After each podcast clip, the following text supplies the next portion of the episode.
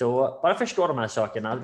Du måste inte handla som en retail trader bara för att du är en. Jag vill göra det väldigt, väldigt klart för de flesta av er som är här och varit med oss en stund och hört oss prata om det här tidigare. Och ni kanske har gjort en egen Google-sökning väldigt simpelt och sett hur många är det som förlorar pengar i daytrading och det är över 90 procent, eller hur? Och det är utav retail traders. Siffrorna ser inte alls ut så hos professionella, så det är därför som jag säger du måste inte vara en retail trader. Du måste inte ha resultat som en retail bara för att du är en, eller hur? Utan du kan fortfarande prestera som en professionell trader och det finns såklart saker som du behöver göra för att brygga det här gapet, eller hur? För om du använder samma strategier som retail gör, om du använder samma plattformar som retail gör, om du handlar samma marknader som retail gör, då kommer du att få samma resultat som retail får. Väldigt, väldigt simpelt, väldigt, väldigt enkelt att förstå. Så här är några anledningar till att inte handla som retail. 90 procent förlorar pengar. Det är det första. Okay? Varför är det så? Du vet, det första är så här att retail lär sig samma saker idag som de gjorde för 30 år sedan. Och jag tvivlar på att det någon gång har fungerat. Sätten, metoderna, mindset, teorin som många retail lär sig. Traditionell teknisk analys. Jag tvivlar på att det någonsin har fungerat. Men en sak som jag vet garanterat är att det inte fungerar nu. Och det är väldigt, väldigt simpelt att se. Vi kan se det först och främst på statistiken. Den är offentlig. Sök för guds skull bara för att ta reda på det själv. Men jag kan också säga av egen erfarenhet med tanke på hur många traders som kommer till oss som vi har utbildat de senaste åren, som vi har tagit in i våra läroprogram de senaste åren och hjälpt dem därifrån. Så du vet, det är väldigt tydligt för mig att kunskapen och sättet som retail lär sig på inte fungerar och troligen aldrig har fungerat.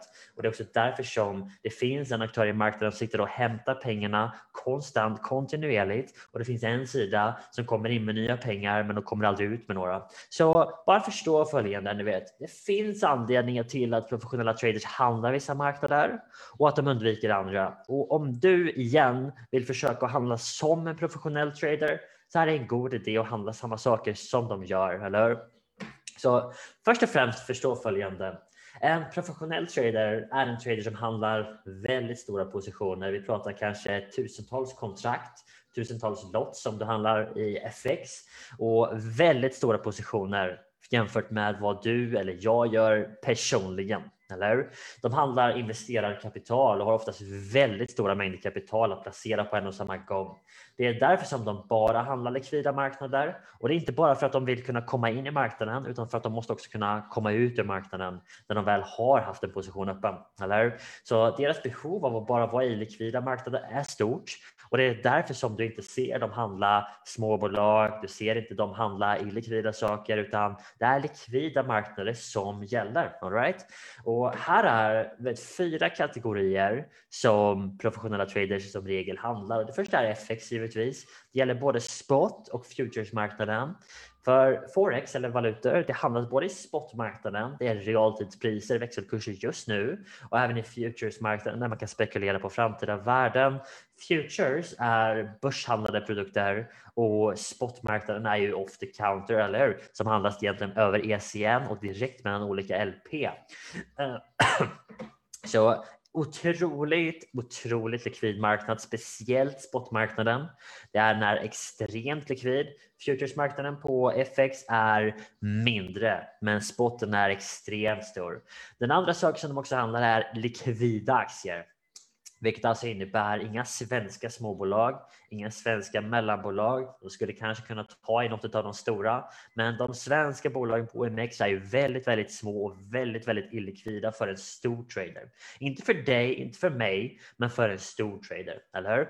Och igen, likviditetsproblemen som de får är inte bara på ingången, det är också på utgången och man måste planera för det när man är en stor trader. Det är sådana problem som du och jag väldigt sällan kommer inför och det är lite av lyxen faktiskt som vi har av att vara en liten trader som man säger eller en eh, privat trader. Så det kan vara en stor fördel många gånger att faktiskt vara en privat trader. En av de fördelarna är att det är enkelt för oss att komma in och ut ur trades. Vi har inte de problemen, eller hur? Och det kommer inte vara något avtryck i grafen bokstavligen när vi har gått in och ut ur en position.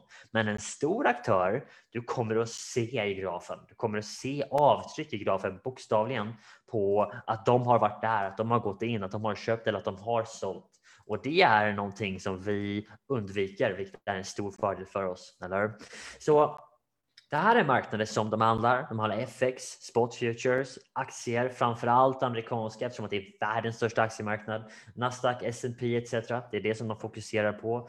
Futures, CME, Eurex, eh, NICE. Det är de vanliga futures som de handlar och det här är också ett vanligt missförstånd som jag har märkt från många ifrån Sverige eh, för er som är ifrån Sverige och det är att när jag pratar om futures så tänker ni på mini futures som är något påhitt som Nordnet och Avanza har. Det är inte det som jag pratar om. Jag pratar om riktiga terminskontrakt, riktiga futures som handlas på CME eller på Eurex eller på NICE till exempel. Det är de stora, inte de här mini futures kontrakten som de kallar det, där du handlar emot en market maker och inte i en riktig marknad. Det är stor skillnad, det är gigantisk skillnad och jag skulle aldrig ta i mini futures från Nordnet och Avanza ens med tång. Det är, det är min syn på det, rätt eller fel, det har inte med saken att göra.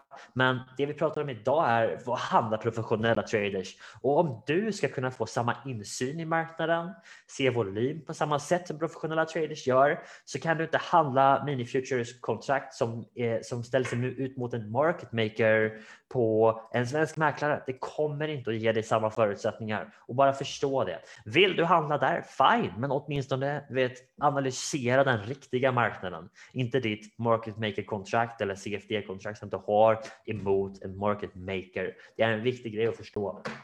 Så FX, aktier, futures och råvaror. Det är i princip de här tillgångsklasserna och det här är som ni förstår en massiv tillgångsklass eller framförallt aktier finns tusentals. Futures finns också väldigt många, men det finns väldigt många som är illikvida så det är primärt aktieindex och råvaror som vi pratar om när det gäller futures-biten. Så eh, du vet, förstå det här. Om du vill ha samma förutsättningar, om du vill kunna handla på samma sätt som professionella traders gör, förstå att du behöver handla samma marknader som de gör, antingen marknaden direkt eller så kan du handla ett CFD-kontrakt på tillgångarna. Och i FX så gör du nästan alltid det. Du handlar ett CFD-kontrakt över ECN mot andra mäklare, mot andra banker. Det är anonymt, så det är väldigt bra på det sättet. Det är en väldigt jämn marknad skulle jag säga, en ärlig marknad. Eh, och sen så finns det givetvis andra typer av terminskontrakt. Det finns så mycket saker, varanter, ETFer och det är nästan du vet, det är en hel vetenskap att förstå hur de där sakerna fungerar. Men allting som har inbyggda stoppar, inbyggda saker. Hej, ta inte i det ens med tång. Om du ska vara en seriös trader så måste du kunna handla i en seriös marknad, inte med förutbestämda saker och sånt där. Okay? Så bara, bara de sakerna är en viktig grej att förstå. Och sen är det så här, du vet, bara för att du byter till att handla till exempel en riktig marknad istället för, en, eh, för att ta market maker kontrakt i mini futures på det, det betyder inte att du blir lönsam, men det betyder att du får samma förutsättningar som professionella traders har och det är viktigt. Och anledningen till att jag säger det är för att vi vill undvika marknader med dåliga villkor typ som den typen av kontrakt där du har en market maker som du handlar emot. Du kommer att se dem ställa ut likviditet både på köp och säljsidan. De kan manipulera spreaden hur som helst. Priset är inte detsamma som den underliggande tillgången utan de har någon form av hävstång. Så om du handlar ett kontrakt i dags till exempel så kan det vara värt 13 kronor och så rör det sig upp och ner. Spreaden manipuleras. Det är ingen marknad som du kan handla i om du ska vara en kontinuerligt lönsam trader som handlar som en professionell trader. Okay? Jag vill bara vara extra tydlig med den biten, för när jag pratar om futures så är det inte sånt så, som vi pratar om där, utan vi pratar om riktiga futures som handlas på typ Eurex, typ CME, typ NICE, de ställena, typ Comex. Okay? Den typen av marknader pratar vi om när vi pratar om futures. All right?